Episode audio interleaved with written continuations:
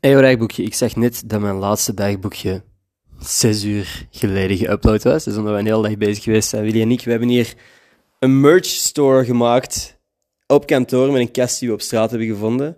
Busy day. Very business. Very business. En er, is veel, er zijn veel leuke ideeën uitgekomen vandaag. We hebben net een podcast opgenomen die in begin januari online gaat komen. Echt fucking productieve dag eigenlijk. Ik ben heel tevreden. Anders dan andere dagen. Het enige wat ik een beetje uit het oog verloren ben, is het feit dat ik een wereldrecord ging breken vandaag. Maar we hebben nog een paar uur. Drie uur om precies te zijn. En ik ga heel veel podcasts opnemen. Zodat ik dat wereldrecord toch breek. Anders was mijn Instagram-video van vandaag een beetje raar.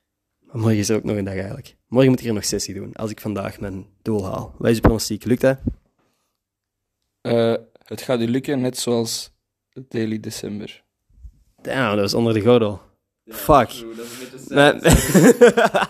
Het gaat lukken, ik geloof in u. Come on, boy, come on, come on, come on, come on. ik had ook bijna de video van december af van vandaag. Ik ging die afmaken tijdens uw call, maar uw call was afgezegd, dus heb ik mijn video niet geëxporteerd. Tja, Dus jij wilt eigenlijk zeggen dat het mijn schuld is. dat was eigenlijk wat ik wou zeggen. Het is niet mijn schuld. Please, wees niet boos op mij, wees boos op jullie.